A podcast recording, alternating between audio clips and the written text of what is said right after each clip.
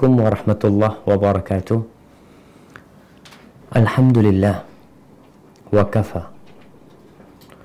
Wassalatu wassalam ala nabi mustafa wa ala alihi wa ashabihi wa man iqtafa. Segala puji bagi Allah dan cukuplah hanya Allah yang pantas untuk dipuja dan dipuji. Segala nikmat darinya. Segala rahmat turun dari Allah. Segala kebaikan karena taufik dan bimbingannya. Segala dosa pun diampuni dengan mangfirahnya. Maka cukuplah kita untuk senantiasa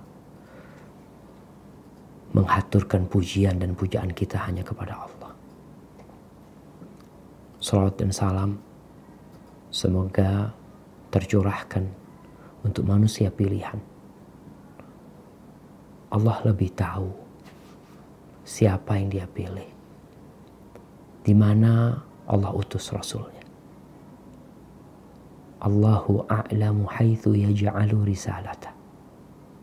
Allah jadikan nabi penutup para nabi. Nabi yang syariatnya menghapuskan semua syariat yang sebelumnya. Dia berasal dari bangsa Arab. Karena Allah tahu dialah yang bisa mengemban, amanah ini. Dan semoga salat itu bersambung buat keluarga beliau dan orang-orang yang mencintai beliau. Serta manusia-manusia yang meniti jalan beliau. Amma ba'd. Jamaah rahimakumullah. Kita masih melanjutkan perjuangan Rasulullah Sallallahu Alaihi Wasallam.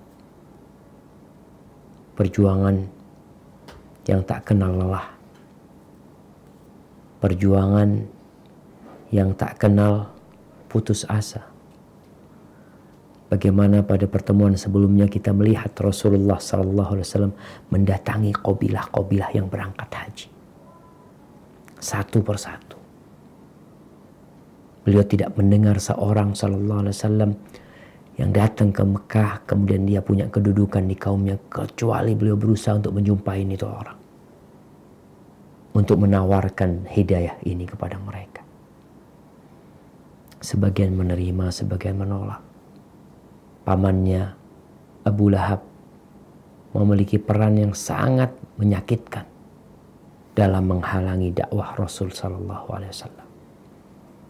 Setiap kali berangkat ke tempat-tempat perkumpulan manusia, menawarkan kepada mereka qulu la ilaha illallah tuflihu. Katakan la ilaha illallah kalian akan selamat. Apa kata pamannya? Hati-hati kalian semua orang ini. Sabi, majnun, orang gila. Aku pamannya. Aku lebih tahu tentang dia daripada kalian semua. Tapi Nabi tidak peduli sallallahu alaihi wasallam. Begitulah seorang mukmin jamaah. Ada suara-suara sumbang yang terkadang menghalangi langkah kita. Jangan berhenti di situ. Mungkin kau perlu murojaah tentang kebenaran agamamu. Kebenaran yang kau yakini.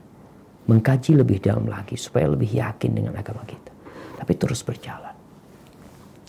Kita masuk kepada salah satu periode yang membuat agama ini akan lebih mudah dalam menyebarkan syariat Allah. Itu terjadinya Bayatul Aqabah Al-Ula. Perjanjian suci di antara Nabi Alaihissalam dengan segelintir manusia dari penduduk Madinah. Silahkan kita baca. Berkata Profesor Dr. Zaid bin Abdul Karim Az-Zaid dalam kitabnya Fikih Sirah Nabawiyah mendulang hikmah dari sejarah kehidupan Rasulullah SAW. B. Bayat Akobah pertama. Orang-orang Madinah terdahulu merupakan orang-orang istimewa. Mereka menerima tawaran Islam dari Nabi dengan baik, seperti kisah Suaid bin Somit yang telah kita telusuri sebelumnya, termasuk juga kisah Iyas bin Mu'ad yang menjamin delegasi dari Bani Abdul Ashhar. mengikat sumpah dengan Quraisy menyelamatkan kaum Khazraj. Ketika Rasulullah Shallallahu Alaihi Wasallam mengetahui berita mereka, lantas mendatanginya seraya berkata, Adakah kamu datang untuk satu keperluan yang lebih baik? Mereka bertanya, siapakah anda? Nabi menjawab, saya Rasulullah, saya diutus kepada manusia. Lalu baginda menceritakan tentang Islam dan membacakan ayat-ayat Al-Quran kepada mereka. Yes berkata kepada kaumnya, Demi Allah ini lebih baik dari tujuan kamu datang untuknya. Abu Al-Haisar, ketua delegasi mengambil segenggam kerikil dan melempari ia sambil berkata, Diam kamu. Iyas pun terdiam. Ketika mereka kembali ke Madinah, tidak lama kemudian Iyas meninggal. Di antara orang yang menyaksikannya menyebutkan dia senantiasa membaca tahlil, takbir, tahmid, serta tasbih hingga meninggal. Tetapi mereka tidak menyebutkan ia mati dalam Islam. Nah, ini jamaah. Ada beberapa terjemahan yang perlu diluruskan. Yang terakhir, kita mulai dari koreksi terakhir yang disebutkan, tetapi mereka tidak menyebutkan ia mati dalam kondisi Islam. Ini sebuah terjemahan yang sangat bertolak belakang. Karena dalam bahasa Arabnya dikatakan wa kanu la yashukun annahu mata musliman. Yang artinya mereka tidak meragukan kalau Iyas mati dalam kondisi Islam. Tolong dibetulin. Tetapi mereka tidak menyebutkan ia mati dalam Islam. Ini gimana? Jadi terjemahannya tolong dibacain. Tetapi mereka tidak meragukan kalau ia mati dalam Islam. Bukan tetapi, nggak perlu tetapi ya. Dan mereka dan Nah, karena wakanu la yashukuna annahu mata musliman dan mereka tidak meragukan kalau ia mati dalam kondisi Islam. Tapi kemudian ada terjemahan yang kurang tepat juga ketika disebutkan orang-orang Madinah terdahulu merupakan orang-orang istimewa. Mereka menerima tawaran Islam dari Nabi dengan baik. Bukan menerima sebenarnya, merespon jadi belum menerima. Disebutkan dalam bahasa Arabnya bihusni raddi alaih. Mereka itu merespon Nabi atau menjawab Nabi dengan jawaban yang baik gitu loh. Jadi merespon bukan menerima. Karena kita lihat mereka ngobrolnya baik-baik gitu, nggak, nggak, nggak langsung menerima gitu loh. Seperti yang terjadi dengan Iyas bin Mu'ad atau yang disebutkan di sini Suwaid bin Samit Suhaid ibn Samit ya, yang sudah kita bahas ceritanya dia. Tapi kemudian terjemahan yang perlu diperbaiki juga tatkala Rasulullah SAW menawarkan diri kepada mereka Nabi mengatakan kepada mereka halakum ila khairin mimma ji'tum bihi adakah kamu datang untuk satu keperluan yang lebih baik adakah kamu datang untuk satu keperluan yang baik terus apa kata mereka coba dibaca Mereka bertanya, siapa anda? nah ini mereka bertanya siapa anda? Padahal Nabi menawarkan Shallallahu Alaihi Wasallam tentang sesuatu. Maka di sini disebutkan dalam bahasa Arabnya wa madak apa yang kau anggap lebih baik itu. Jadi bukan siapa anda. Mereka bertanya wa madaka apakah itu yang kau tawarkan yang lebih baik dari yang kita datang untuknya. Jadi terjemahannya tolong bukan siapa Anda tapi apa yang dimaksud denganmu, olehmu gitu ya. Maka lalu Nabi mengatakan, aku ana Rasulullah ba'athani Allahu ilal ibad. Baik. Ini keistimewaan orang Madinah, jamaah. Jadi kalau kita melihat kondisi masyarakat itu berbeda-beda dari satu tempat ke tempat yang lainnya. Madinah bagi yang berangkat umroh kemudian berziarah ke kota Madinah dia akan mendapati penduduk Madinah istimewa berbeda dengan penduduk Mekah kalau kita melihat juga sholat di Masjid Nabawi lebih tenang daripada kita ke Masjidil Haram polisi-polisi yang ada di Mekah dengan polisi yang ada di Madinah juga berbeda maka Allah subhanahu wa ta'ala menjadikan penduduk Madinah yang penduduk yang yang orangnya uh, baik ya, sopan, santun. Dalam kondisi menolak pun menolak dengan santun. Maka kita lihat benih-benih itu ada di kota Madinah. Sehingga disebutkan di sini kisahnya Iyas ibn Mu'ad ya. Ketika mereka datang dari kota Madinah ke Mekah untuk mengikat sumpah dengan Quraisy. Mengikat sumpah dengan Quraisy maksudnya untuk menjadi sekutu dengan orang-orang Quraisy dalam menghadapi kaumnya. Musuhnya yang ada di kota Madinah. Di situlah Rasul SAW tadi kita sudah sampaikan bahwa beliau tidak melihat satu kesempatan pun untuk berdakwah kecuali beliau ambil. Tidak beliau sia-siakan. Maka beliau datang. Dalam peristiwa itu paling tidak Rasulullah SAW punya kesempatan membacakan Al-Quran kepada mereka. Dan ternyata Iyas bin Mu'ad mendengar. Dan dia menerima kalau ini lebih baik. Sayangnya ini kita bisa lihat jamaah. Sayangnya, Iyas bin Mu'ad bukan seorang pemimpin. Dia bukan ketua, dia bukan kepala. Sehingga kebijakan dia berbedalah dengan kebijakan seorang komandan. Sehingga Iyas malah dimarahin sama ketuanya, dilempar sama kerikil, suruh diam. Maka di sini pula ada pelajaran penting buat kita. Kalau seorang komandan itu dapat hidayah, hijrah, dari alam kegelapan menuju alam yang penuh cahaya, itu pengaruhnya tentu nggak akan sama dengan anak buah yang hijrah. Sebagaimana Rasul Sallallahu Alaihi Wasallam mengatakan al-mu'minul qawi khairun wa ahabu ilallah minal mu'minil dhaif wa fi kullin khair. Seorang mukmin yang kuat itu lebih baik dan lebih dicintai Allah daripada mukmin yang lemah. Tapi di semua orang beriman itu ada kebaikan.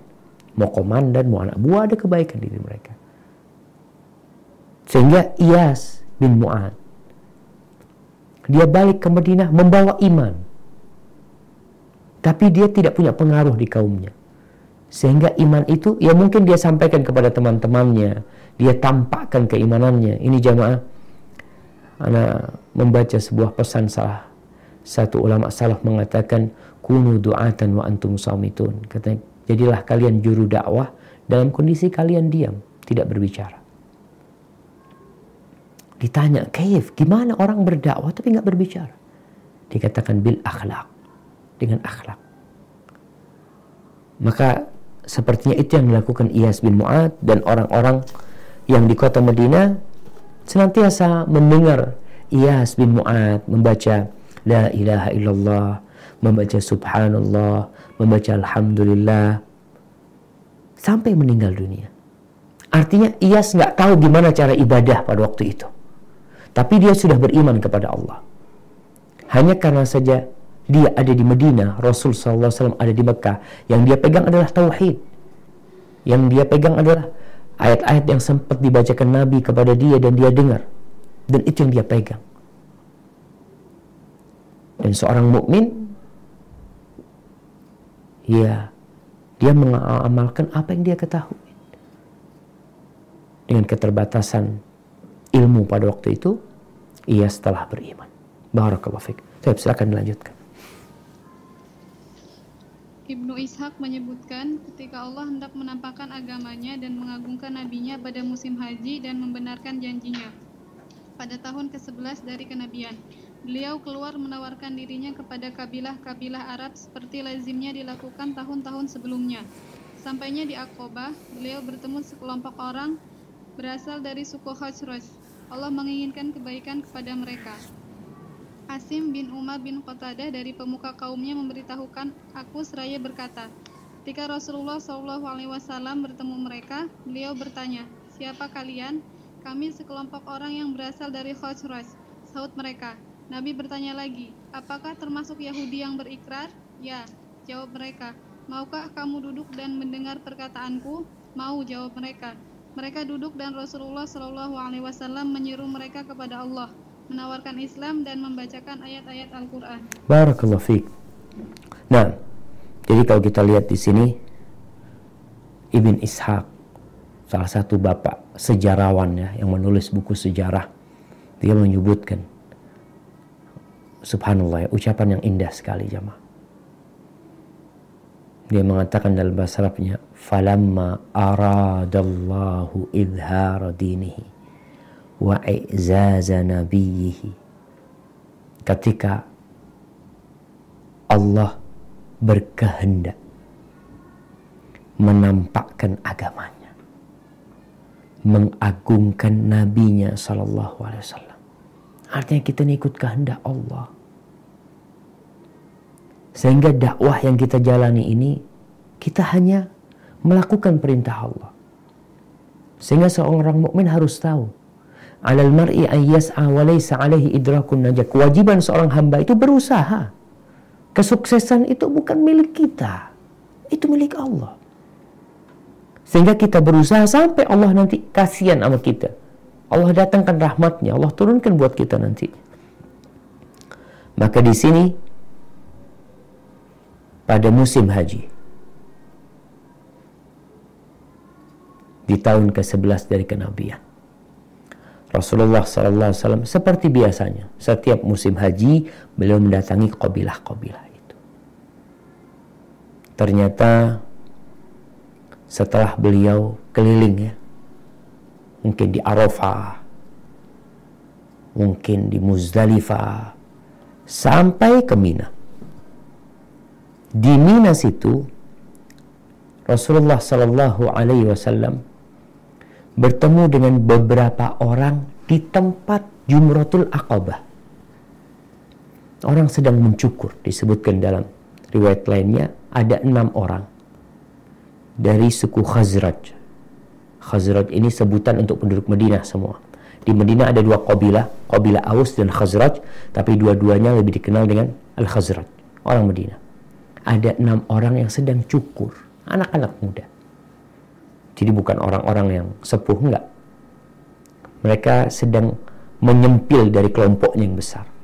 Dan Rasulullah SAW tidak meremehkan mereka. Maka beliau alaihissalam mendatangi mereka, lalu bertanya kepada mereka, Man antum? Kalian siapa? Nanti mereka sebutkan, kita dari Khazraj. Amin mawali Yahud. Dikatakan apa kalian termasuk ini terjemahannya termasuk Yahudi yang berikrar. Wallahu a'lam Ini terjemahan yang perlu diluruskan juga. Mawali Yahud itu bisa biasa diterjemahkan sekutunya orang-orang Yahudi. Bukan termasuk orang-orang Yahudi yang berikrar. Artinya mereka mengadakan perjanjian untuk ya saling mendukung lah. Artinya mereka bersekutu. Apakah kalian termasuk yang bersekutu sama orang-orang Yahudi? Di Madinah ada tiga kelompok Yahudi pada waktu itu. Maka jawab mereka, na'am. Lalu Nabi bertanya kepada mereka, Afala tajlisun ukallimukum? Ya Allah, bahasanya indah banget nih Rasulullah SAW. Beliau mengatakan, maukah kamu duduk dan mendengarkan perkataanku? Permohonan Ketika orang mau berdakwah, Allah orang hendak memberikan nasihat, hendaklah kita tahu diri. Kita bukan nyuruh, ya sini sini duduk. Tawarin. Antum mau nggak duduk sini bentar? Aku mau ngomong.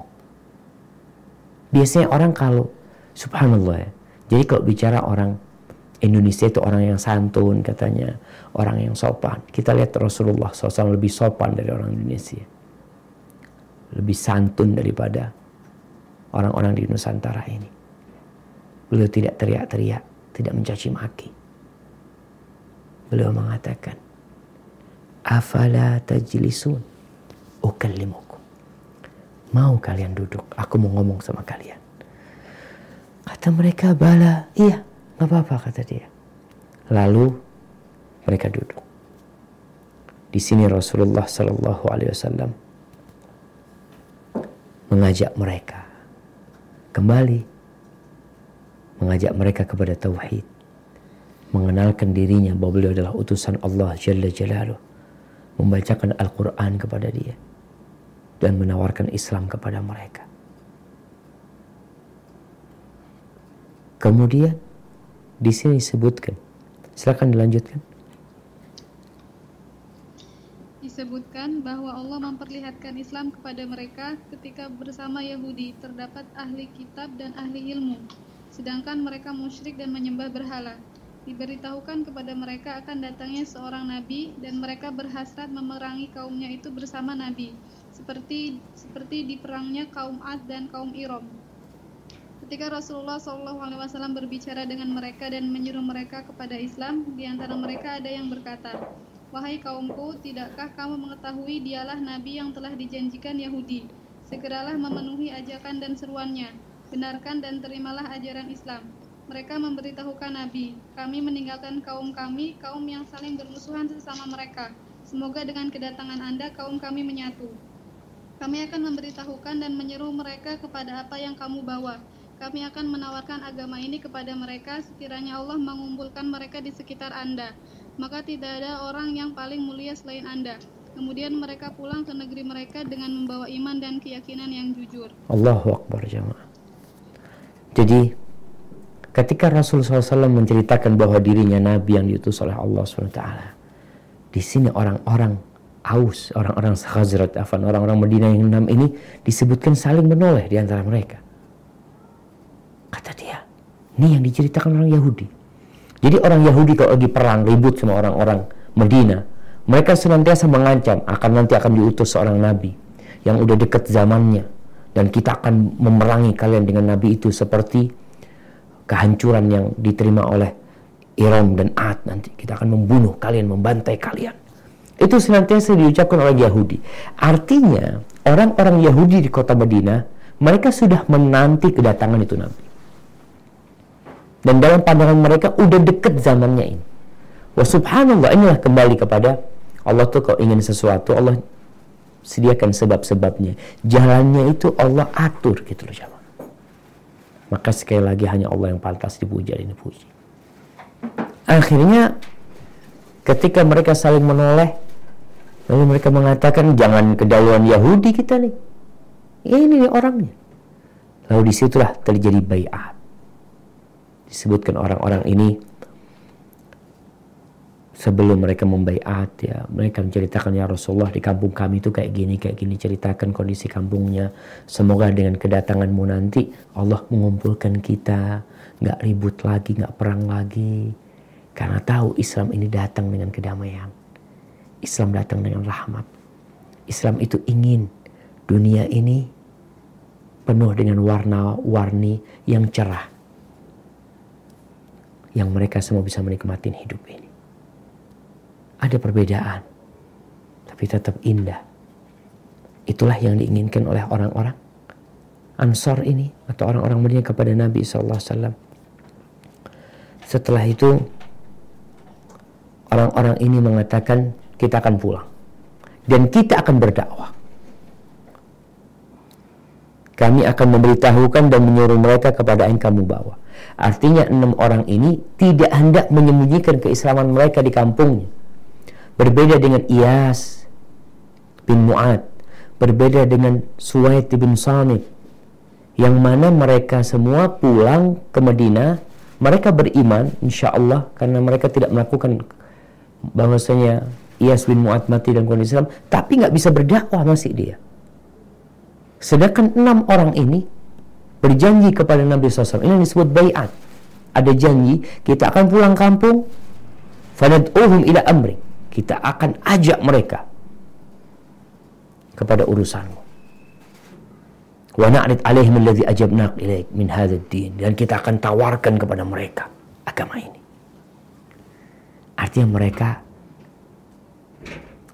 membawa misi pulang ke Madinah. Dan setiap muslim seharusnya membawa misi. Pulang kajian, dia bawa sesuatu yang hendak dia sampaikan. Tapi kadangkala kita ya datang kajian hanya untuk menghabiskan waktu luang kita. Alhamdulillah. Mudah-mudahan masih ada manfaatnya. Tapi mungkin sejak melihat kisah enam orang ini, jangan pernah meremehkan kemampuan diri. Karena nggak bisa berdakwah, nggak bisa nyampaikan. Dakwah ini wajib atas setiap muslim. Baik yang alim atau yang awam. Yang alim tentunya mengajak, menyeru dengan ilmu yang dia miliki, dengan hikmah. Sedangkan orang yang awam mengajak orang kepada sesuatu, kepada ilmu yang nggak mungkin orang itu nggak ngerti. Sholat, siapa yang nggak tahu hukum sholat? Apakah ketika melihat temannya di kantor nggak sholat, lalu dia diam saja, tidak menyeru dia untuk sholat? Dengan alasan afwan, anda bukan ustaz. Tapi kau bukan ustaz. Tapi kewajiban sholat adalah kewajiban yang diketahui oleh setiap muslim. Yang nggak sekolah tahu sholat itu wajib.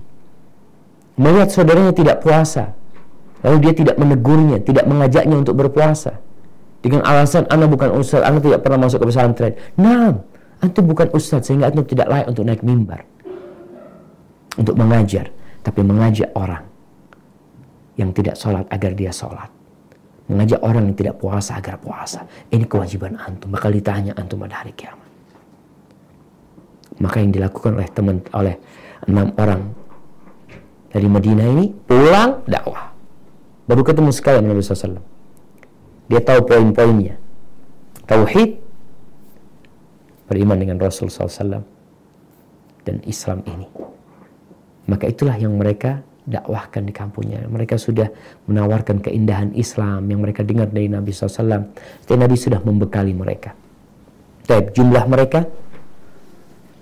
Jumlah mereka enam orang berasal dari Khajraj, yaitu As'ad bin Zurarah, Auf bin Harith bin Rifa'ah, Malik Rafi bin Malik bin, Aj bin Al-Ajlan, Qutbah bin Amir bin Hadidah, Uqbah bin Amir bin Nabi, Jabir bin Abdullah bin Ri'ab radhiyallahu anhum. Aus dan Khazraj saudara kandung. Kemudian terjadilah permusuhan di antara mereka karena ada pembunuhan. Peperangan di antara mereka ber berlangsung selama 120 tahun. Api peperangan baru padam ketika Islam datang mereka kembali bersaudara berkat kehadiran Rasulullah SAW di tengah mereka. Allahu Akbar jemaah. Jadi penduduk Madinah ini sebenarnya kakak beradik. Kemudian beranak pinak, beranak pinak, beranak pinak. Tapi karena peristiwa ada pembunuhan di antara mereka, akhirnya dua kabilah ini perang terus. Berapa tahun berlangsung peperangan itu? 120 tahun. Artinya mereka mereka satu kampung. Artinya tawuran lah kalau kita lihat sekarang ini di Jakarta ada dua kampung. Kalau nggak salah di, di Jatinegara, bukan Jatinegara. Limanggarai. Dari tahun 97 ada di Jakarta. Sampai hari ini tetap itu terjadi yang namanya tawuran antara dua kampung itu. Mungkin mereka adalah anak paman yang terjadi dengan Aus dan Khazraj ini mereka anak paman, uh, bukan anak paman akhirnya. Jadi anak paman anak-anaknya itu. Aus dan Khazraj bersaudara, anak-anaknya adalah sepupuan di antara mereka, kemudian punya anak lagi, punya anak lagi. Itulah terjadi peperangan selama 120 tahun. Dengan datangnya Islam. Selesai. Islam ini menyatukan. Bukan Arab. Karena persatuan mereka bukan di atas Arabisme mereka, tapi di atas Islam. Allah mengatakan, "Wadhkuru ni'matallahi 'alaikum id kuntum a'da'an fa'alafa baina qulubikum fa asbahtum bi ni'matihi ikhwana." Allah cerita kalian dulu bermusuhan. Kemudian Allah jadikan kalian saling bersaudara. Dengan datangnya Islam ini. Maka kalau ada orang-orang muncul di Arab ini kelompok Ara Arabisme ya. Al-Qawmiyah Al-Arabiyah partai Ba'ath umpamanya mereka berkumpul di atas Arab. Mau Yahudi mau Nasrani Arab udah kumpul jadi satu di sana mereka. Islam dicampakkan oleh mereka. Sehingga mereka tidak akan pernah bersatu di atas Arab. Karena bangsa Arab baru bersatu dengan datangnya Islam kepada mereka. Datangnya Rasul SAW kepada mereka. Nah, tafadhali. Kembalinya ke Madinah, mereka menjadi dai menyeru kepada Islam. Tersebarlah Islam ke seluruh penjuru dan pelosok Madinah, sehingga semua mereka menyebut-nyebut tentang Rasulullah Shallallahu Alaihi Wasallam. Barakallahu fikum. Artinya mereka belum masuk Islam semuanya, tapi udah pada tahu semuanya. Jadi kalau sekarang ini jamaah dengan adanya media, dakwah ini bisa didengar oleh semua orang. di kamarnya, di atas ranjangnya, dia bisa dengar. Enam orang ini berusaha untuk melakukan dakwah. Sehingga paling tidak penduduk Madinah itu sudah mendengar nama Rasul SAW. Udah tahu. Karena informasi ini penting sekali sehingga orang bisa menerima nantinya. Kenapa banyak orang yang menolak Islam? Kenapa banyak orang yang mencela Rasulullah SAW? Kenapa banyak orang mungkin yang mencaci maki, menghina jenggot? Satu, informasi belum nyampe sama mereka. Kalaupun sampai, mungkin informasinya terbalik. Informasi yang salah sampai kepada mereka. Sehingga mereka jadi benci sama Islam. Tapi enam sahabat ini berusaha untuk menyampaikan dari enam orangnya. Jadi kalau sekarang kita lihat lulusan pesantren 2000 orang, lulusan kampus 100 orang, ini cuma enam orang. Tapi bagaimana gaungnya dari enam orang ini? Kembali kepada kesungguhan kita dalam berdakwah. Jangan senantiasa lemah menghadapi peristiwa-peristiwa sehingga kita beranggapan kayak nggak nggak bisa kayaknya kayaknya nggak mungkin Rasulullah Shallallahu Alaihi Wasallam sendirian di Mekah beliau berdakwah dan enam orang ini berenam dia berdakwah di kota Madinah. Jauh dari Rasul Sallallahu Alaihi tapi Allah memberikan keimanan yang kokoh buat mereka. Nah. Lanjutkan. Pada tahun berikutnya datang 12 orang, enam orang termasuk mereka kecuali Jabir bin Abdullah, yaitu Mu'ad bin Haris bin Rifa'ah, Zakwan bin Abdul Qais, Ubadah bin Somit, Yazid bin Sa'labah, Abul Haitham bin Ataihan, Waimir bin Malik. Bersumber dari Ubadah bin Somit radhiyallahu anhu bahwa Rasulullah shallallahu alaihi wasallam bersabda, di sekelilingnya ada sekelompok sahabat. Kemarilah dan berbayatlah kalian kepadaku untuk tidak menyekutukan Allah dengan sesuatu apa pun, tidak mencuri, tidak berzina, tidak membunuh anak-anak sendiri, tidak akan berbuat dusta yang kalian ada-adakan sendiri, tidak mendurhakaiku dalam urusan yang baik. Barang siapa di antara kalian menepatinya, maka pahalanya ada pada Allah. Barang siapa ditimpa sesuatu dari yang demikian itu, lalu dia disiksa di dunia, maka itu merupakan ampunan bagi dosanya. Ampunan dosa baginya. Barang siapa ditimpa sesuatu dari yang demikian itu, lalu Allah menutupinya, maka urusannya terserah Allah. Jika menghendaki, dia menyiksanya, dan jika menghendaki, dia akan mengampuninya. Lalu kami pun berbaiat kepada beliau. Barakallahu fiqh. Ini ada terjemahan yang hilang Subhanallah. Atau ada di halaman lainnya. Enggak berarti memang tidak diterjemahkan jamaah. Jadi kira-kira yang tidak diterjemahkan ini ada dua halaman. Baik, anak akan jelaskan dulu sini berkaitan dengan bayat para sahabat Nabi. Jadi Rasulullah SAW membaiat mereka. Dengan apa? Ini bayat disebut bayatun nisa. Nggak ada perang. Janji suci untuk taat dan mengabdi kepada Allah Subhanahu wa taala. Yang pertama berbaiat untuk bertauhid, tidak menyekutukan Allah Subhanahu taala dengan apa pun. Tauhid tidak menyekutukan Allah. Karena ada orang tauhid tapi masih melakukan kesyirikan. Sehingga tauhidnya ternafikan dengan kesyirikan dia. Yang kedua, larangan mencuri. Ini berkaitan dengan muamalat sudah. Yang ketiga, nggak boleh berzina. Yang keempat, tidak memulai anak-anak sendiri. Membunuh anak-anak sendiri. Karena apa yang Arab, ya membunuh anak itu karena dua hal. Yang pertama karena takut aib kalau anak itu perempuan. Yang kedua, takut kelaparan. Mereka bunuh anak-anaknya. Kemudian yang keempat, tidak berbuat dusta yang diada-adakan sendiri. Artinya hoax ini jamaah dari masa bayat Rasul SAW udah nggak boleh gitu. Bikin-bikin berita dusta, menyebarkannya itu nggak boleh.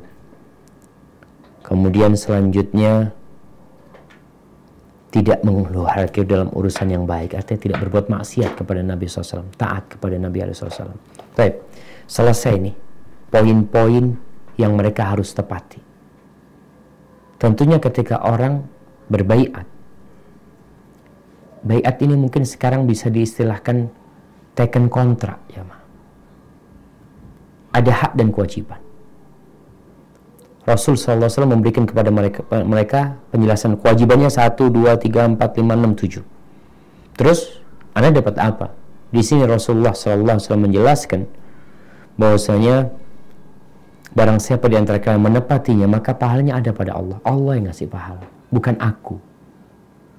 Sehingga di sini seorang tidak berharap dari Nabi SAW, tapi berharap dari Allah SWT. Kemudian ini ada sesuatu terjemahan yang mungkin kurang tepat ya.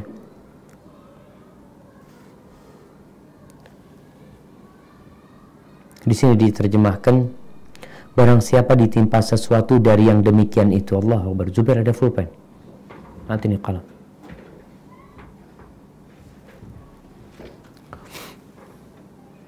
Nah. Jazakallah khair. Syukran. Baik barang siapa ditimpa sesuatu dari yang demikian itu. Coba Anda mau tanya sama jamaah di sana, apa artinya ini? Fadal.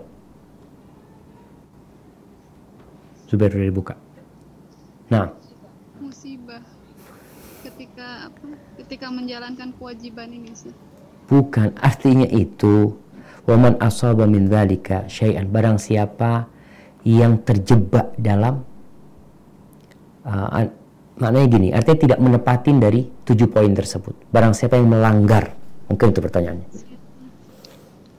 Barang siapa yang melanggar sesuatu darinya dari poin-poin itu jadi bukan ditimpa sesuatu dari yang demikian.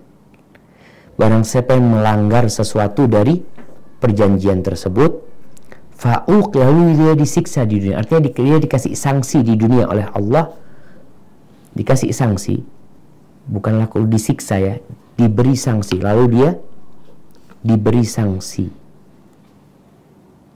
Fit dunia di dunia maka itu merupakan kafarat bagi dia. Untuk penghapusan dosa bagi dia. Waman asaba min dzalika syai'an Barang siapa ditimpa sesuatu dari yang demikian. Ini lagi terjemahkan. Barang siapa yang melanggar sesuatu.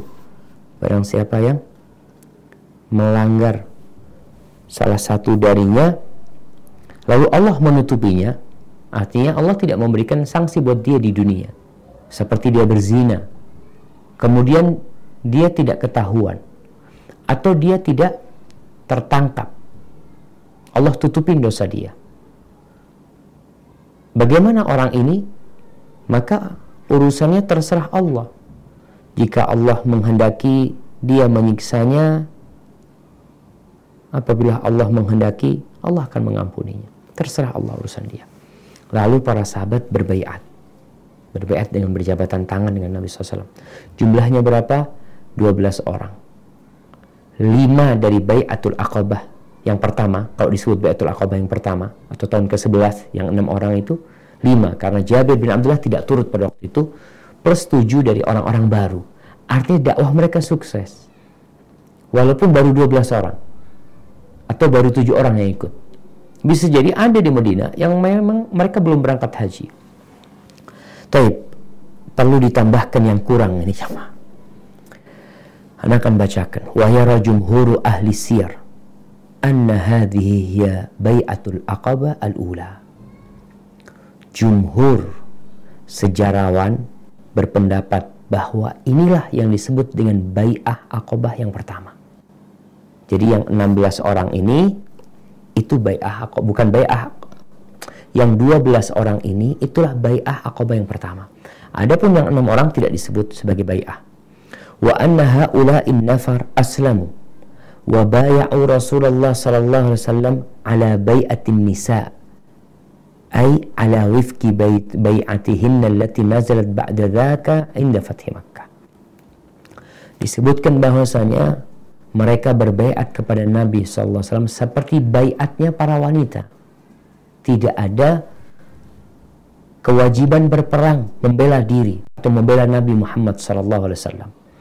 Seperti baitnya para wanita. Jadi kalau kita baca di surat Al-Mumtahanah di ayat sebelum terakhir Allah mengatakan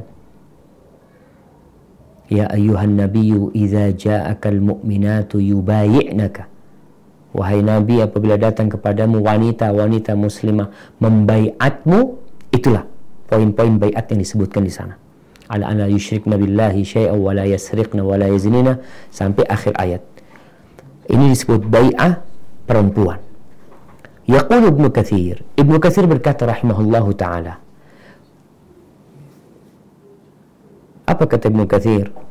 وكان هذا مما نزل على وفق ما بايع عليه أصحابه ليلة العقبة وليس هذا بعجيب فإن القرآن نزل بموافقة عمر بن الخطاب رضي الله عنه في غير موطن وإن كانت هذه البيعة وقعت عن وحي غير متلو fahuwa adhar wallahu alam.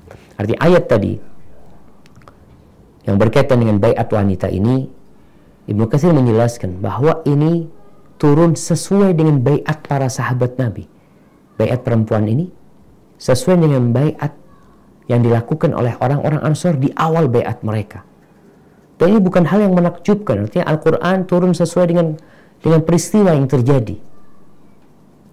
Menyepakati perkataan Umar bin Khattab. Ada Umar yang mengatakan, Ya Rasulullah, anda kata engkau pasang hijab lah buat istri-istrimu. Akhirnya turun ayat tentang hijab.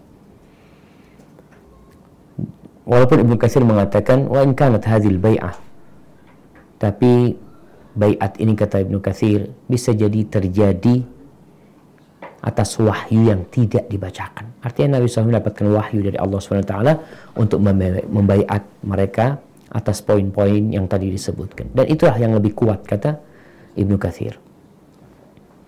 Kemudian walakin Ibnu Hajar رحمه الله تعالى رجح أن المبايعة التي تمت ليلة العقبة إنما كانت على الإيواء والنصرة وليست على الصفة التي وردت في حديث عبادة رضي الله عنه وأن ما ذكره عبادة رضي الله عنه يعني به bai'atan ukhra ba'da fathi Makkah li adillatin dzakaraha. Tapi Ibnu Hajar rahimahullahu taala lebih menguatkan pendapat bahwa baiat yang terjadi pada malam Aqabah itu adalah baiat untuk me, untuk membawa Nabi SAW ke kota Medina. Jadi bayat yang terjadi itu bayat untuk menolong Nabi SAW dan membawanya ke kota Medina. Untuk memberikan tempat buat Nabi SAW dan para sahabat di Medina. Dan bayat untuk berjuang membela Rasulullah SAW. Bukan bayat yang disebutkan dalam hadis Ubadah bin Samit. Itu pendapat Ibnu Hajar Al-Asqalani beliau berpendapat bahwa yang diucapkan oleh Ubadah bin Samit itu itu bayat yang lain yang terjadi setelah penaklukan kota Mekah dan disebutkan dalil-dalilnya. Itu tidak terlalu penting buat kita yang jelas, tapi bukan nggak terlalu penting ya. Itu penting sekali buat kita berkaitan dengan bayat ini terjadi hanya untuk beriman sama Nabi SAW atau bayat juga untuk membela dan membawa Nabi SAW dari kota Mekah ke kota Madinah. Ini akan terjadi nanti di bayat akobah yang kedua sebenarnya. Kemudian disebutkan di sini wa ba'da an tammat hadhil bai'ah. Ini tidak disebutkan dalam terjemahannya ya karena terjemahan langsung masuk kepada hikmahnya. Setelah terselesaikannya bayat ini, wantahal musim dan musim haji sudah habis, ada ulaika nafar ilal Madinah. Maka sahabat yang berjumlah 12 itu balik ke kota Madinah. Wa ba'atha ma'ahumur Rasul sallallahu alaihi wasallam Mus'ab ibn Umair radhiyallahu anhu. Dan Rasulullah sallallahu alaihi wasallam mengirim bersama mereka Mus'ab bin Umar. Kita tahu yang enam orang tadi dengan ilmu yang terbatas mereka ke Medina sehingga berdakwah dengan ilmunya saja yang dia miliki. Di tahun ke-12 ini, di Bayat Aqabah pertama, Rasulullah SAW mengutus Mus'ab bin Umar untuk berdakwah. Mus'ab bin Umar pada waktu itu umurnya sangat muda sekali. Mantan orang kaya, anak orang kaya. Yang karena keimanannya, kemudian dia dibuang oleh ibundanya. Tapi semangat dia untuk berdakwah. Dikirim sama Nabi SAW. Karena dilihat dia memiliki ilmu yang cukup, maka dikirim ke sana bersama 12 orang ini liyu'allimuhumul Islam untuk mengajarkan Islam kepada mereka. Wa yuqri'uhumul Qur'an dan membacakan Al-Qur'an kepada mereka. Waliyad'u man hunalik ilal Islam. Jadi untuk mengajarkan Islam kepada yang sudah Islam, untuk membacakan Al-Quran kepada yang sudah Islam, dan untuk mengajak yang belum Islam untuk masuk Islam fa aslama ala yadi Mus'ab radhiyallahu anhu khalqun kathirun min al-ansar. Subhanallah jamaah. Betapa besarnya pahala Mus'ab bin Umar. Diceritakan bahwasanya banyak orang yang masuk Islam dari Ansar itu lewat tangannya Mus'ab bin Umar.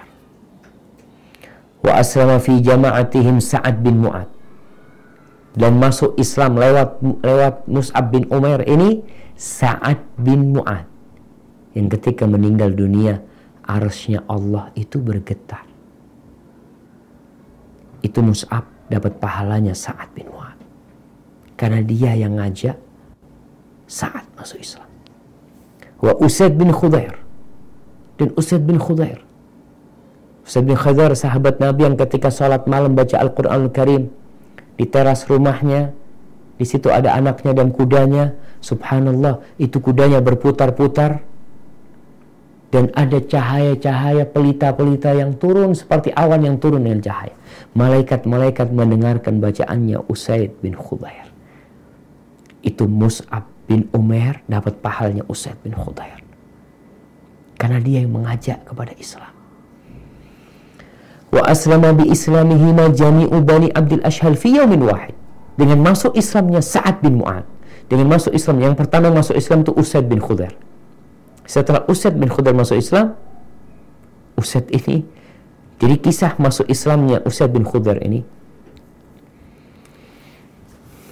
saat bin Mu'ad lagi kumpul sama kaumnya, dia sampaikan kepada Usaid bin Khudair, Usaid, engkau tahu kan, ada As'ad bin Zurarah. As'ad bin Zurarah ini termasuk Nah, termasuk sahabat yang masuk Islam. Tunggu bentar. As'ad bin Zurarah. Termasuk dari orang Ansor yang pertama ikut bayat yang enam orang itu. As'ad bin Zurarah ini sepupu dengan Sa'ad bin Mu'ad. Dan Sa'ad bin Mu'ad nggak suka sama Sa'ad bin Zurarah. Mulai berdakwah kepada Islam. Apalagi bawa orang baru ke Medi dari, dari Mekah ke Madinah. Maka Sa'ad bin Mu'ad, karena dia nggak mungkin menghadapi sepupunya sendiri. Maka dia mengutus Usaid bin Khudair Usaid engkau tahu tuh dengan As'ad bin Zurarah. Kalau bukan karena hubungan kekerabatanku aku sudah selesaikan urusan dia. Tuh dia sekarang lagi kumpul sama orang baru dari Medina itu mengumpulkan orang-orang untuk mengajarkan Islam. Engkau usir mereka. Berangkat Usaid bin Khudair Usaid bin Khudair sampai ke sana dia melihat dengan membawa tombaknya dia As'ad bin Zurarah mengatakan kau lihat nih ini orang datang kalau dia masuk Islam ada banyak keindahan di balik dia. Lalu Ustaz bin Khudair mendekat ke tempat kumpulnya para sahabat Nabi. Lalu dia mengatakan kepada Mus'ab bin Umar sama As'ad bin Zurarah, kalau kalian masih sayang sama nyawa kalian, bubar dari sini. Jadi bicara pembubaran kajian jamaah, dulu udah terjadi itu. Jadi As'ad bin Zura sama Mus'ab bikin kajian mau dibubarkan sama Usaid bin Khudair sama tombaknya.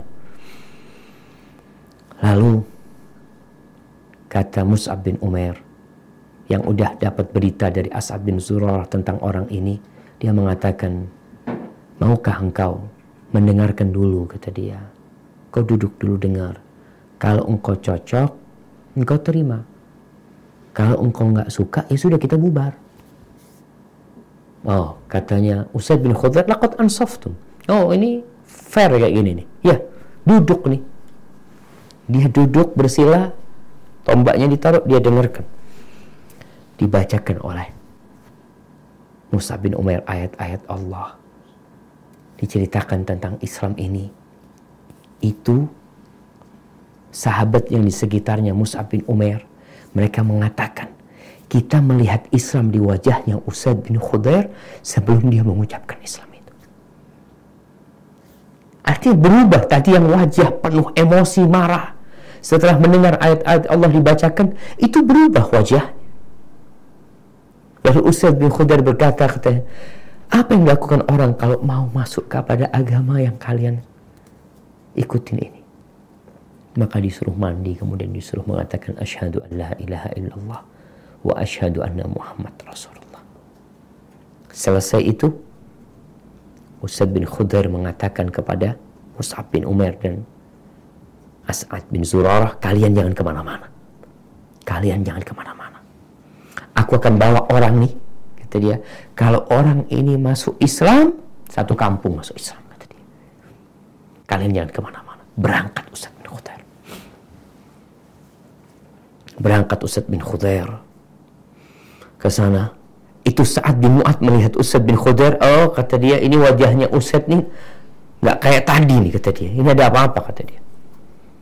Lalu Ustadz mengatakan kepada saat engkau harus datang ke sana. Ini urusannya genting nih. Engkau harus datang ke sana. Kalau nggak bisa terjadi perang, oh, macam-macam lah. Akhirnya saat bin Mu'ad berangkat. Berangkat sama dengan tombaknya ya, dia untuk mempersiapkan diri kalau terjadi apa-apa berangkat ke kebun tempat para sahabat kumpul. Sampai di sana, dilihat nggak ada apa-apa. Kata saat melihat Ustaz bin Khudair, oh dia ingin aku mendengar apa yang dia dengar. Kata dia, ya sudah. Duduk di sana saat bin Mu'ad. Didengarkan apa yang dibacakan oleh Mus'ab bin Umair. Dan kembali cerita tadi. Para sahabat melihat Islam di wajahnya Sa'ad bin Mu'ad sebelum Sa'ad bin Mu'ad mengatakan asyhadu an la ilaha illallah wa asyhadu anna Muhammad Rasulullah sallallahu alaihi wasallam. Subhanallah jamaah.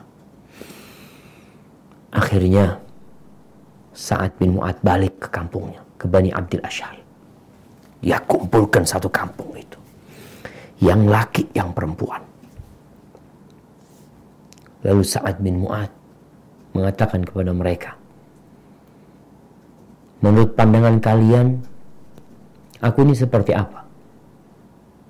Kata kaumnya, anta sayyiduna. Engkau yang termulia di antara kami. Engkau yang terbaik di antara kami. Kata dia. Lalu saat mengatakan ketahuilah bahwa aku bersumpah haram aku berbicara sama kalian semuanya. Sampai kalian masuk Islam. Wallahi jamaah satu kampung masuk Islam. Pada saat itu. Satu kabilah Bani Abdul Asyar masuk Islam semua. Di sini antum bisa melihat kenapa arsy Allah itu bergetar. Ketika saat bin Mu'ad meninggal dunia. Dan disebutkan lam yatabaqqa minhum ahad illa al-usairim yang gak masuk Islam dari satu kampung itu cuma satu orang. Namanya Usairim. Tapi Usairim ini akhirnya masuk Islam ketika perang Uhud. Di mana dia masuk Islam pada waktu sebelum perang Uhud, dia masuk Islam, kemudian dia berperang dan meninggal dunia. Artinya satu kampungnya Bani Abdul semua masuk Islam.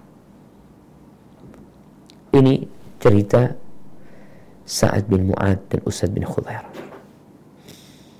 Kemudian Al-Imam Nawawi menyebutkan ya wa yaqulu Nawawi rahimahullah wa aslama ala yadayhi Sa'ad bin Mu'ad wa Usaid bin Khudair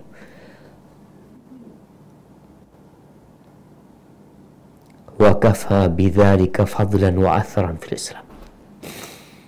Kata Imam Nawawi dan masuk Islam di tangannya Mus'ab bin Umar ini Sa'ad bin Mu'ad dan Usaid bin Khudair dan cukup itu sebuah kemuliaan buat Mus'ab bin Umar. Cukup itu sebuah kehormatan dan kontribusi buat Islam ini dari Musa bin Umar. Kemudian wa ma'a hululil musim tali ada Musa bin Umar radhiyallahu anhu ila Makkah. Setelah setahun berada di kota Madinah, setahun kemudian di musim haji yang selanjutnya Mus'ab bin Umar balik ke kota Madinah membawa berita kepada Nabi SAW kalau Islam sudah tersebar di kota Madinah dan Madinah sudah siap menerima kedatangan Rasulullah SAW. Allahumma salli wa sallim Baik, kita masuk kepada hikmah pelajaran yang bisa petik. Jadi itu tadi yang Anda jelasin itu itu terbuang dari dari terjemahan ini atau terlewatkan dari dari terjemahan. Nah, silahkan dibaca tentang hikmah dan pelajaran yang bisa dipetik. Hikmah pelajaran yang bisa dipetik. Inti yang dapat dipetik dari perjanjian Aqobah yang pertama antara lain satu Rasulullah Shallallahu Alaihi Wasallam ketika menawarkan Islam kepada penduduk Madinah di Aqobah, sebagian mereka berkata kepada sebagian lainnya, dia adalah nabi yang dijanjikan kedatangannya oleh Yahudi, menandakan awal dari penerimaan mereka terhadap Rasulullah Shallallahu Alaihi Wasallam. Walaupun mereka masih dalam keadaan musyrikin, tetapi informasi walaupun sedikit tersebut bermanfaat bagi mereka untuk mendapatkan hidayah dan menerima ajakan Nabi. Hal ini menggambarkan pentingnya ilmu, kedudukan, dan fungsinya walaupun tidak berguna bagi seluruh Yahudi dalam memenuhi ajakan Rasul, tetapi berguna bagi sebagiannya, yang implementasinya membenarkan dan mengimani kenabian di awal perjumpaan mereka seperti yang akan dijelaskan. Ibnu Katsir rahimahullah menyebutkan, tidak ada satu lorong pun di Arab yang tidak mengetahui dan mendengar tentang Rasulullah Wasallam, baik kabilah Aus maupun Khazraj. Yang demikian karena mereka mendengarnya dari pemuka-pemuka Yahudi. Oleh karena itu, semakin banyak orang Islam membedah, menelaah, membudidayakan ilmu dan membantu individu muslim dalam beribadah dan berdakwah kepada Allah taala. Barakallahu fikum. Di sini ucapan Ibnu Katsir dalam terjemahannya disebutkan tidak ada satupun lor, satu lorong pun di Arab.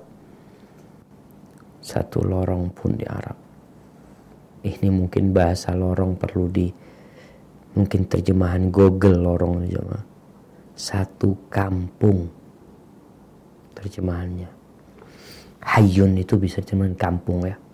Tidak ada satu kampung pun di Arab yang tidak mengetahui, bukan yang tidak mengetahui Ibnu Katsir menyebutkan walam yakun hayyun minal Arab a'lam bir Rasul sallallahu alaihi wasallam.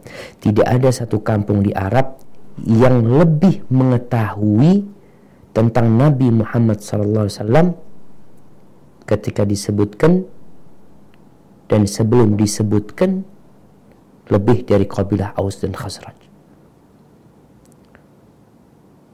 Hina dzukir wa qabla an yuzkar. Artinya tidak ada satu kampung di Arab yang lebih mengetahui tentang Nabi Muhammad SAW baik sebelum disebutkan atau sudah disebutkan. Maksudnya mereka itu udah tahu tentang Nabi SAW. Nabi sebelum menyebutkan dirinya, mereka udah tahu. Tahunya dari mana? Tadi dari orang-orang Yahudi. Mereka belum pernah berjumpa dengan Nabi SAW. Tapi mereka udah tahu dengan sosok itu Nabi yang akan diutus. Karena sifat-sifatnya disebutkan sama orang-orang Yahudi. Mereka mendengar dari pemuka-pemuka Yahudi, lalu di sini disebutkan tentang manfaat dari membaca, menelaah, mengembangkan ilmu, itu membantu seorang dalam beribadah kepada Allah. Kita tuh kalau paham tentang hikmah sholat, tentang hukum, maka kita akan beribadah yang baik sama Allah. Banyak orang yang ibadahnya seenak hatinya, tanpa berpikir itu boleh atau tidak, karena nggak punya ilmu. Kemudian dalam berdakwah juga ilmu itu sangat penting sekali jadi hikmah yang pertama adalah kedudukan ilmu. Di mana ilmu ini Ya, kita tolak kedudukan ilmu dalam Islam bisa mempengaruhi seseorang. Informasi sampailah kepada kita. Dan kita berusaha untuk mendengar. Karena penghuni neraka ketika mereka teriak-teriak di dalam api neraka. Menyesali. Apa kata mereka? Lau kunna nasma au na'qil. Kalau kami selama ini mendengar dan mau berakal, mikir. Makunna fi ashabis sa'ir. Kita nggak akan bakal. Makunna kita tidak akan menjadi penghuni neraka sa'ir. Na'udzubillah min dzalik. Baik. Ini pentingnya ilmu berarti. Yang kedua. Dua dari Aisyah radhiyallahu anha dia berkata hari Buat merupakan hari yang disuguhkan oleh Allah kepada Rasulnya. Rasulullah Shallallahu Alaihi Wasallam datang sedangkan jamaahnya tengah bercerai-berai, dibunuh keluarga-keluarganya dan dilukai. Oleh karena itu Allah menyuguhkan kepada Rasulullah Wasallam dalam masuknya mereka ke dalam Islam. Nah, ini ya mungkin ya terjemahan yang disuguhkan ya. Jadi hari Bu'ats ini Allah jadikan sebagai muqaddimah sebelum datangnya Nabi SAW. Muqaddimah itu artinya ada satu peristiwa yang akhirnya membuat mereka lebih mudah menerima Islam.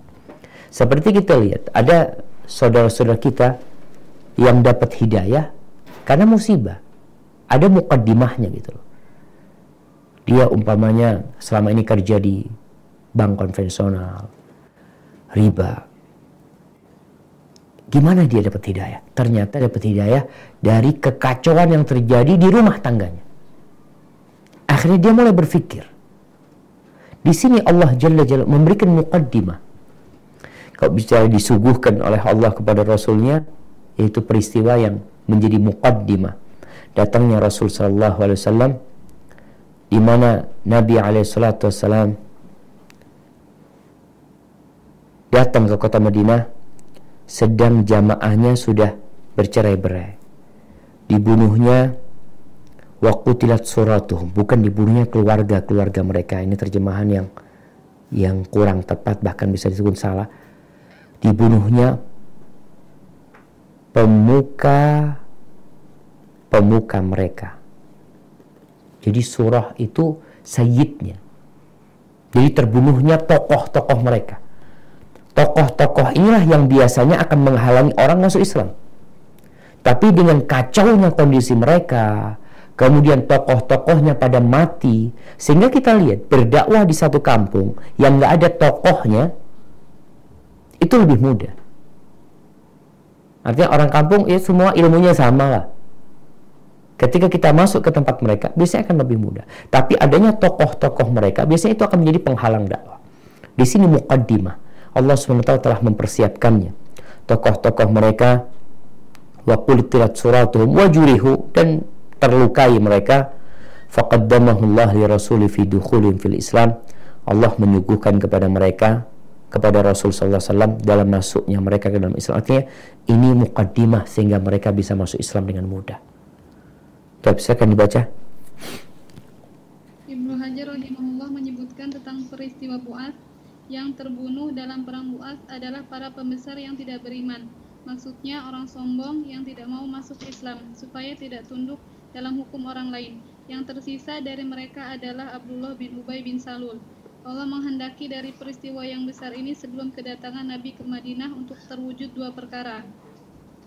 Pertama, anugerah Allah Taala kepada Rasulullah SAW yang melancarkan jalannya untuk berdakwah dengan memusnahkan pembesar-pembesar Madinah sebelum kedatangannya.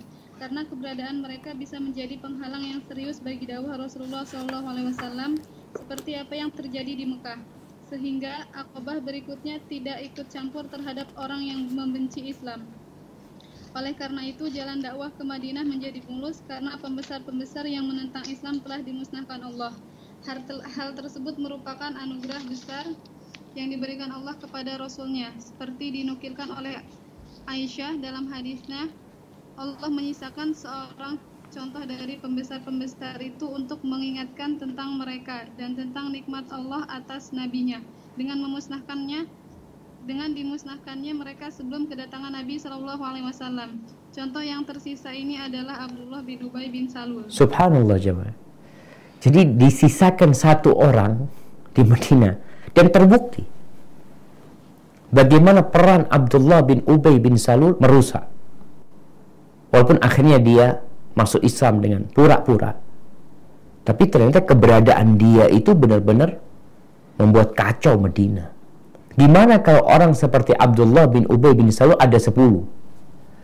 Sehingga Ibnu Hajar menceritakan ini sebuah anugerah yang Allah berikan disisakan satu agar orang teringat dengan nikmat yang Allah berikan kepadanya.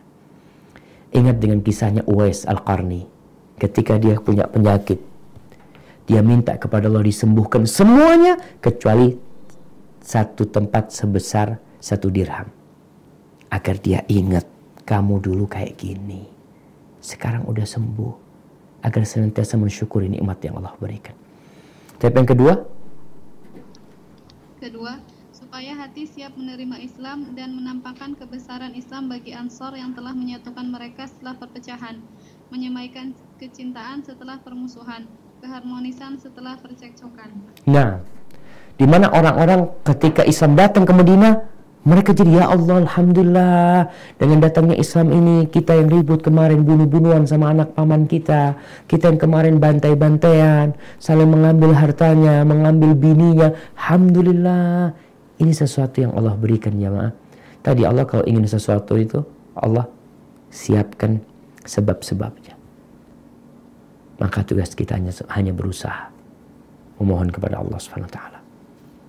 Baik. Hikmah yang ketiga. Agama ini merupakan anugerah Allah, menyatukan hati dan menanamkan sifat kasih sayang kaum Aus dan Khazraj yang sebelumnya saling bermusuhan selama 120 tahun. Kedatangan Islam menyatukan mereka. Sekarang kita melihat peperangan di mana-mana, pertikaian dan pembunuhan merajalela. Oleh karena itu bisa kita katakan seperti halnya Islam telah datang mendamaikan Aus dan Khazraj, maka tidak akan pernah damai hati umat sekarang melainkan dengan berpegang teguh kepada Islam dan berjalan di bawah naungannya supaya manusia bisa saling merasakan persaudara persaudaraan. Seperti firman Allah taala baina qulubikum fa'asbahtum bi ni'matihi ikhwana. Maka dia menyatukan hatimu sehingga kamu karena nikmatnya menjadi bersaudara Quran surat Ali Imran ayat 103 Allah jamaah kita lihat nih yang terjadi di negeri kita sesama muslim ribut, bertikai. Kita lihat adanya partai-partai di partai-partai politik aja. Yang semua saling mencaci. Semua saling mencela. Semua saling berambisi. Ingin senggol sana, senggol sini, injak sana, injak sini. Karena yang menjadi naungan mereka bukan lagi Islam yang menjadi agama mereka Islam hanya dibuat untuk sholat, hanya untuk pernikahan, hanya untuk kematian, hanya untuk pembagian waris. Tidak dipraktekkan dalam kehidupan ini. Semua ingin, ya kalau kita lihat nih, kondisi sekarang semua ingin damai ya, tapi ribut terus. Ribut sama muslim. Saling caci, saling maki, saling serang sana, serang sini maka kalau ingin negeri ini damai, setiap muslim kaji agamanya. Sebagaimana Allah mengumpulkan kaum Aus dan Khazraj setelah datangnya Islam, itu pun bisa kita rasakan. Kalau kita mau kembali kepada agama kita semuanya. Tidak berbicara kepentingan, tapi berbicara tentang ambisi kita, dunia atau akhirat. Sesuai dengan ajaran yang Allah telah sampaikan dalam Al-Quran Al Karim dan dijelaskan oleh An-Nabiul Karim sallallahu alaihi wasallam. Baik, yang keempat. Empat, Rasulullah Shallallahu alaihi wasallam diutus di Mekah di tengah kabilahnya sendiri. Beliau terus-menerus menawarkan dirinya lebih 10 tahun. Yang menerima seruannya hanyalah beberapa orang. Dia mendapatkan pertentangan sengit dari kelompok mayoritas, tetapi pertolongan dari kabilah lain di luar Mekah. Hal ini menunjukkan kepada kita bahwa dakwah Rasulullah SAW bukan dakwah khusus, tetapi dakwah universal mencakup seluruh manusia. Rasulullah menawarkan dakwah kepada penduduk Mekah dan kabilah-kabilah yang datang ke Mekah. Siapa saja yang memenuhi seruannya dan membantunya itulah yang utama. Barakallahu fikum. Artinya itulah yang utama dengan agama ini. Yang lebih pantas untuk lebih pantas untuk memegang teguh agama ini. Jadi Rasul Sallallahu Alaihi Wasallam tidak hanya mendakwain orang-orang orang-orang Arab saja. Buktinya nanti kita akan lihat Bilal bin Rabah bukan orang Arab. Orang Habasyah dia. Kulitnya hitam, rambutnya keriting. Seperti itu Bilal bin Rabah. Dan Nabi SAW mendakwain orang-orang yang datang ke Madinah. Kalau agama ini hanya untuk penduduk Mekah, ya kenapa beliau tawarkan kepada orang luar? Kenapa beliau tawarkan kepada Bilal bin Rabah yang dia orang hitam? Dia orang Afrika. Ini sebagai bukti bahwasanya agama Allah ini untuk siapa saja. Dan yang berpegang teguh dengannya, yang menerimanya, itu lebih pantas untuk menjadi pembela agama ini. Sehingga kita lihat bagaimana Rasulullah SAW meninggalkan kampungnya sendiri. Nggak peduli beliau. Beliau sedih meninggalkan kampungnya. Beliau berharap orang-orang di kampungnya masuk Islam. Tapi karena sudah 13 tahun berdakwah di sana, mentok, dan beliau melihat ada sebuah negeri yang menerima dakwah beliau SAW, maka beliau tinggalkan Mekah berangkat ke Madinah. Sallallahu alaihi wasallam. Nah, kemudian yang kelima. Lima, berdasarkan paparan di atas, kita dapat melihat pengorbanan luar biasa yang dilakukan Rasulullah SAW dalam berdakwah kepada Allah Ta'ala. Beliau berdakwah siang dan malam tanpa mengenal jenuh dan bosan sedikit pun. Sekalipun mereka menolaknya, beliau tetap tidak pernah putus asa. Gak ada jemaah. Perasaan putus asa itu gak ada di diri Nabi Shallallahu Alaihi Wasallam. Sedih iya, galau iya Rasul SAW. Allah sebutkan tentang hal itu. Fasbir ala ma yakulun. Sabar dengan ucapan-ucapan mereka. Maka tadi beliau SAW sepanjang 13 tahun itu tidak pernah santai berdakwah. Siang malam berjalan kaki, berangkat ke Taif, berangkat ke Arafah, berangkat ke Mina, berangkat ke Muzdalifah, datengin pasar-pasar tempat orang-orang kumpul, sallallahu alaihi wasallam. Karena beliau mendapatkan perintah Allah. Dan inilah yang kita kita lihat ya, kalau kira-kira pendakwahnya orang Indonesia, orang dari Nusantara nih, kayaknya udah berhenti dakwah. Udah aduh enggak lah kalau gitulah urusan mereka mereka sendiri nggak ada urusan. Tapi Allah tahu nih bagaimana Allah letakkan nabinya. Bukan dari bangsa lainnya. Tapi dari bangsa Arab yang dipilih oleh Allah taala. Dan ternyata beliau benar-benar telah mengemban amanah ini dengan penuh kesungguhan dan menyelesaikan tugas ini dengan tuntasnya. Maka kita pun harus mencontoh Rasulullah SAW dalam berdakwah. Tak kenal lelah, tak kenal putus asa. Bukan nunggu uang dari orang berdakwah, tapi uang sendiri kita keluarkan untuk berdakwah. Barakallahu fikum. 6. Kemenangan kadang-kadang datang pada masa dan tempat yang tidak diprediksikan. Rasulullah SAW menawarkan kepada kabilah-kabilah Mekah, tetapi tidak membuahkan hasil. Penawaran yang sama dilakukan pada kelompok Khazraj. Kelompok ini membuahkan hasil, merupakan pembuka kemenangan dan inti kebaikan dari penerimaan dakwah dan kesiapan membantu berdakwah. Kelompok inilah Iya, silakan. Kelompok inilah yang dicari-cari oleh Nabi selama bertahun-tahun dakwahnya mengajak kabilah-kabilah. Itu jamaah. Artinya kita nggak boleh meremehkan.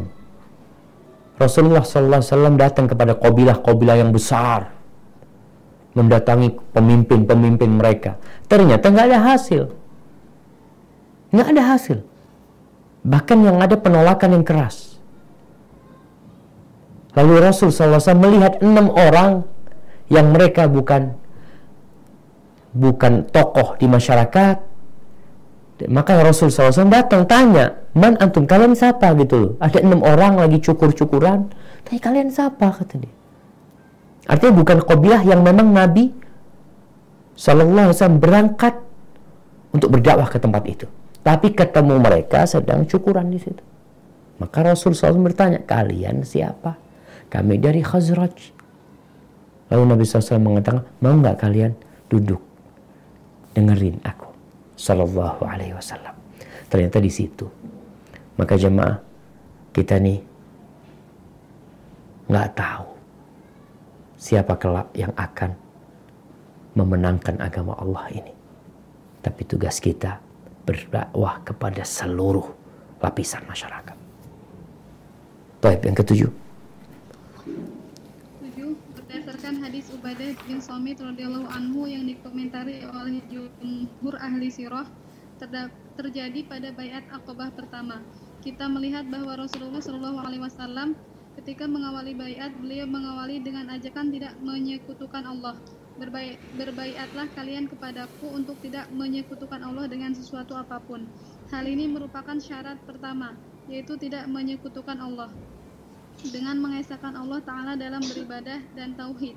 Kemudian rangkuman dakwah Rasulullah SAW dan para nabi serta para dai kapan pun dan di mana pun. Firman Allah, "Wa ma arsalna kami qablika min rasulin illa Wa ma arsalna wa ma arsalna min qablika min rasulin illa nuhi ilaihi annahu la ilaha illa ana fa'budun. Dan kami tidak mengutus seorang rasul pun sebelum kamu melainkan kami wahyukan kepadanya bahwasanya tidak ada Tuhan yang hak melainkan aku. Maka sembahlah olehmu sekalian akan aku. Quran Surat Al-Anbiya ayat 25 Inilah yang patut diingat oleh setiap individu muslim Tauhid merupakan fondasi dan dasar keesaan Tuhan dalam beribadah. Itu tuntutan yang pertama dan utama. Tidak boleh individu muslim menghinakan dirinya dalam kemusyrikan, bid'ah, khurafat, setiap perbuatan yang menafikan tauhid atau menafikan kesempurnaan. Barakallahu fikum. Ini ini diperbaiki ini. Tidak boleh individu muslim menghinakan dirinya. Allah ini terjemahan yang gak tahu kok bisa kayak gini jadinya. Tidak boleh individu muslim menyepelekan. Menyepelekan. Ya tahawanu fi syirkiyat. Menyepelekan kesyirikan. Bid'ah khurafat. Nah coba dibaca lagi. Siapa saja yang mengerjakan sesuatu sesuai dengan tauhid, maka ada harapan mendapat pengampunan. Barang siapa yang mengerjakan sesuatu tanpa tauhid, maka tidak ada sedikit pun nilai amal baginya. Allah berfirman, "Walaqad uhiya ilaika wa ilal ladzina min qablika la in asyrakta la yahbaqanna 'amaluka wa la takunanna minal khasirin."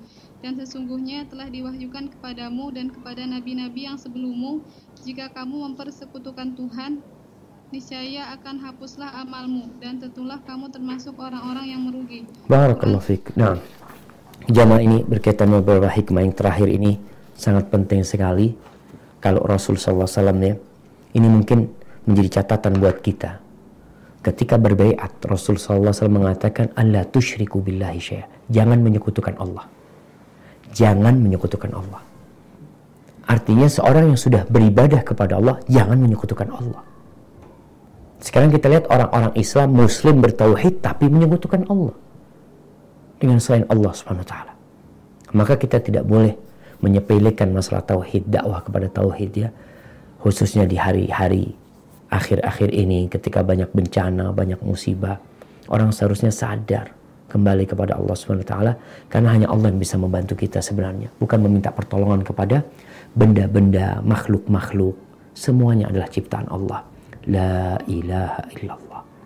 Wala haula wala quwata illa billah. Barakallahu fikum. Afan banget ya kayaknya kita cukupkan di sini kita masuk ke sesi tanya jawab atau mau dilanjutkan? Iya.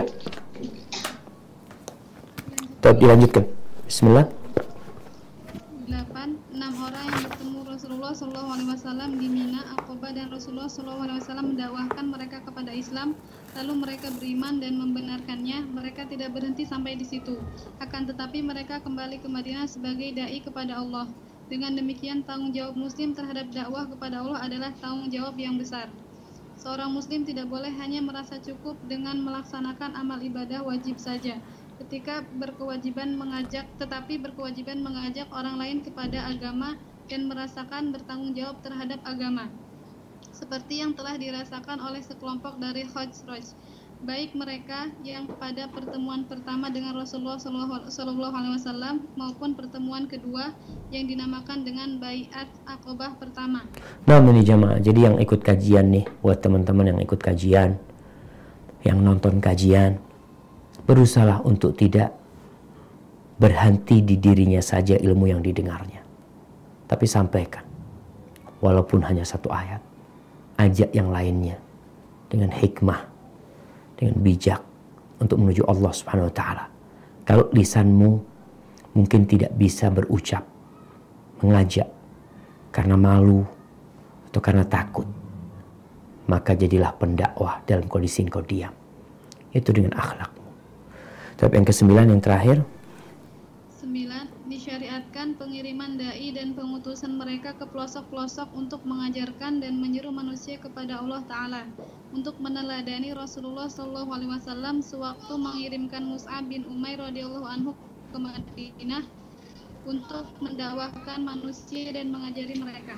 Barakallahu fikum. Iya, berkaitan dengan yang terakhir ini jelas sekali Rasulullah SAW tidak mengirim sembarangan sahabat beliau SAW ketika urusan berdakwah ke daerah itu nggak sembarangan sahabat berangkat tapi diutus sama Nabi SAW Mus'ab berangkat Abdullah bin Umar Maktum berangkat Abu Dhar berangkat Ali bin Abi Thalib kirim berangkat Mu'ad bin Jabal berangkat. Artinya bukan semuanya berangkat karena kalau sudah menjadi pendakwah di sini dibutuhkan ilmu kesiapan untuk menyampaikan tentang agama Allah SWT. Tapi kalau sekedar tadi yang Anda sampaikan, orang awam pulang ke rumah, dia telah mendengarkan sesuatu, dia sampaikan kepada keluarganya, berkaitan dengan ibadah sholat, dia lihat orang nggak sholat, dia tegur. Ini sesuatu yang harus dilakukan setiap muslim. Tapi kalau untuk berangkat dakwah ke sebuah tempat, maka harus persiapan ilmu. Karena akan banyak masalah yang akan dihadapi di sana oleh dia. Pertanyaan-pertanyaan, kondisi-kondisi, yang harus dia mengeluarkan fatwa kalau dia nggak punya ilmu dia akan bisa menghancurkan dari sisi ingin membangun dan membina masyarakat tersebut. Hadza wallahu a'lam Silakan masih ada tersisa waktu untuk tanya jawab. Nah.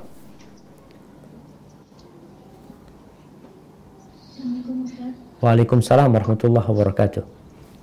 Uh, Ustaz mau tanya ini uh, Mus'ab bin Umair kan uh, ya walaupun apa istilahnya uh, tadinya tetap orang kaya gitu kan Ustadz ya. Apakah jadi ya jadi mungkin dia berdakwah ke Madinah itu uh, tetap ada karismanya lah mungkin beda mungkin dibanding sama yang benar-benar uh, katakanlah miskin gitu ya Ustadz. Jadi apa mungkin ini uh, bagi orang kaya atau orang yang memiliki kelebihan apa ilmu atau mungkin jabatan atau uh, pengetahuan lah gitu dia ada semacam apa ya? Secara nggak langsung ada beban atau amanah Allah uh, dia tanggung jawab dia lah ke masyarakat atau ke orang lainnya tuh lebih dibandingkan yang tidak punya apa-apa gitu Ustaz. Nah, iya. Yang pertama berikan Mus'ab bin Umair. Nah, Mus'ab bin Umair miskin memang, nggak punya apa-apa. Tapi di Madinah dia dititipkan kepada As'ad bin Zurarah. As'ad bin Zurarah ini tokoh yang masuk Islam, termasuk tokoh yang masuk Islam yang tadi dia adalah sepupunya Sa'ad bin Mu'ad. Jadi dititipkan ke sana. Sehingga ketika Mus'ab bin Umair berdakwah, Mus'ab gak kenal sama siapa-siapa di kota Madinah. Di sini tugas As'ad bin Zuhair yang memberikan arahan. Dikatakan, ini Ustaz bin Khudair datang nih. Nih, fulan kayak gini nih. Dia memberikan prolog kepada Mus'ab bin Umair agar dakwahnya sesuai.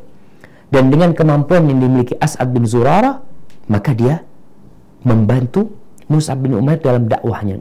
Menyediakan tempat tinggal buat Mus'ab, ya, memberikan uh, kalau bicara sekarang mungkin sandang, pangan, dan papan. Pokoknya menjamin kehidupan Mus'ab bin Umar selama berada di kota di kota Madinah. Dan kalau bicara orang-orang kaya, tentunya orang-orang kaya ada beban lebih. Ketika lisan dia tidak bisa menyampaikan, maka mungkin dengan uang dia, dia bisa tadi mengirimkan pendakwah, mengirimkan dai ke tempat itu, sehingga dia tetap akan mendapatkan pahala. Dan ketika dia ditanya pada hari kiamat, ditanya tentang dua hal berkaitan dengan hartanya. Dari mana engkau mendapatkan dan ke mana engkau infakkan. Kalau bab dakwah ini disepilikan sama dia. Dia lebih memilih, nggak anak mau bangun sumur saja. Toh bangun sumur. Anak mau bangun, umpamanya, ya mau bangun masjid. Toh silahkan. Tapi perlu juga dipikirkan SDM yang mengisi masjid itu. Pendakwah-pendakwah yang mereka mengajak umat. Kalau hidup mereka masih memikirkan rezeki mereka, tidak ada yang menanggung mereka kadangkala, ya ya mungkin kurang fokus berdakwah. Tapi tetap pembahasan dalam masalah Rasulullah SAW bekerja, beliau mencari nafkah, seorang pendakwah pun penyeru pun berusaha untuk bisa mencukupi kehidupannya sendiri tanpa harus minta kepada orang lain.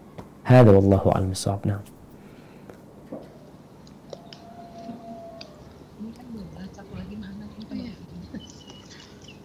Kenapa?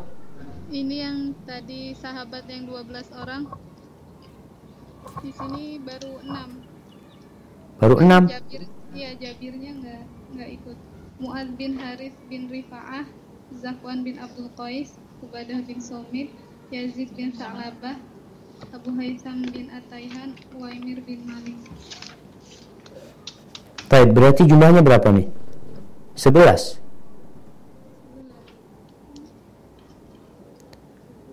Wa ma'ahum Mu'ad bin Harith, Rifa'ah, Rifa'ah dan Zakwan. Rifa'ah dan Zakwan ini dua bersaudara. Eh, tunggu. Bukan. Wa tunggu Mu'ad bin Harith bin Rifa'ah, ini yang kedua. Wa ma'ahum Mu'ad bin Harith bin Rifa'ah, wa Zakwan bin Abdul Qais, wa Ubadah bin Samit, wa Yazid bin Tha'labah, wa Abu Haytham bin Tayhan, wa Umaymir wa Uwaimir bin Malik. Iya jemaah. Kayaknya kurang satu di sini. Coba nanti anda lihat. Tunggu diulangin lagi. Jabir bin Abdullah nggak ikut kan? Berarti Mu'ad bin Harith bin Rifa'ah. Zakwan bin Abdul Qais. Ubadah bin Samit. Yazid bin Tha'labah. Abu Haytham bin Tayhan wa Umayyah bin, bin Malik. Nah, sahih. Ini kurang kurang satu. Coba anda lihat nanti.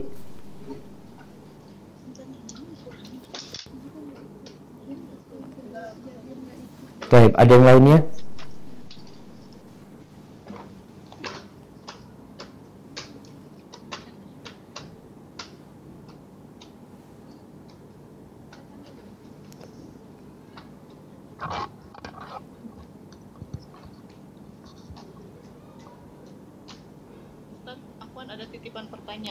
Silahkan.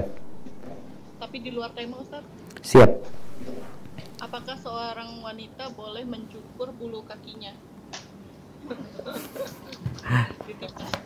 wanita sekali. Nah, wallahu a'lam. Anda lihat nggak ada larangan di sini. Artinya uh, ada hal-hal yang berkaitan dengan dengan adat, dengan muamalah. Apabila tidak ada yang menghalanginya, maka nggak masalah buat dia.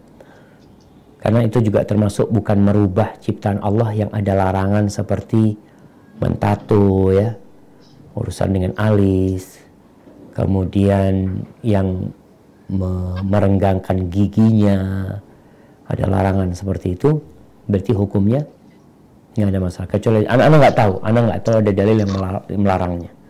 Jadi perempuan kalau kakinya banyak bulunya, umpamanya mau dicukur, wallahu a'lam, rasa tidak ada larangan Kecuali kalau ada yang melarang kemudian membawakan dalil baru kita menerimanya. Taib analisa itu cukup jamaah. Taib satu lagi bismillah. Waalaikumsalam warahmatullah. Sekarang kan uh, bulan Maulid, terus di sekolah anak-anak, di RT RW itu pada minta iuran untuk Maulid. Kita cara menyikapinya gimana ya, Ustaz? Nah. Iya, jamaah. Yang pertama kita cinta kepada Rasul sallallahu alaihi wasallam. Tapi kecintaan kita kita ungkapkan dengan mengikuti sunnah Rasul SAW. Menghidupkan syariatnya, mengagungkan ajarannya. Terus gimana kondisi kita dengan acara-acara yang diadakan ya, yang mungkin kita kita nggak pas dengan acara tersebut, sedangkan kita dimintain sumbangan untuk hal itu. Kalau memang kita tidak bisa menolak, ya berikan sumbangan itu, tapi niatkan bukan untuk itu. Niatkan untuk yang lainnya seperti jadi kita uh, ya paling tidak untuk untuk menjaga menjaga agama anak kita di sana karena masalahnya anak kita nanti akan dibully akan dicaci maki mungkin akan diperlakukan tidak baik, maka kita memberikan itu tujuannya untuk menyelamatkan diri dari keburukan yang mungkin bisa terjadi. Dan sekali lagi, kita harus mengingat Rasul SAW setiap waktu. Kita harus mengorbankan harta kita untuk Nabi kita Muhammad SAW, bahkan nyawa kita, kalau perlu, kalau dibutuhkan untuk mempertahankan agama Allah ini dan menegakkan sunnah Rasul SAW, kita pun akan berikan nyawa kita untuk itu. Taib hadza wallahu a'lam Itu yang bisa Anda sampaikan. Subhanakallahumma bihamdika asyhadu an la ilaha illa anta astaghfiruka wa atubu ilaik. Wassalamualaikum warahmatullahi wabarakatuh.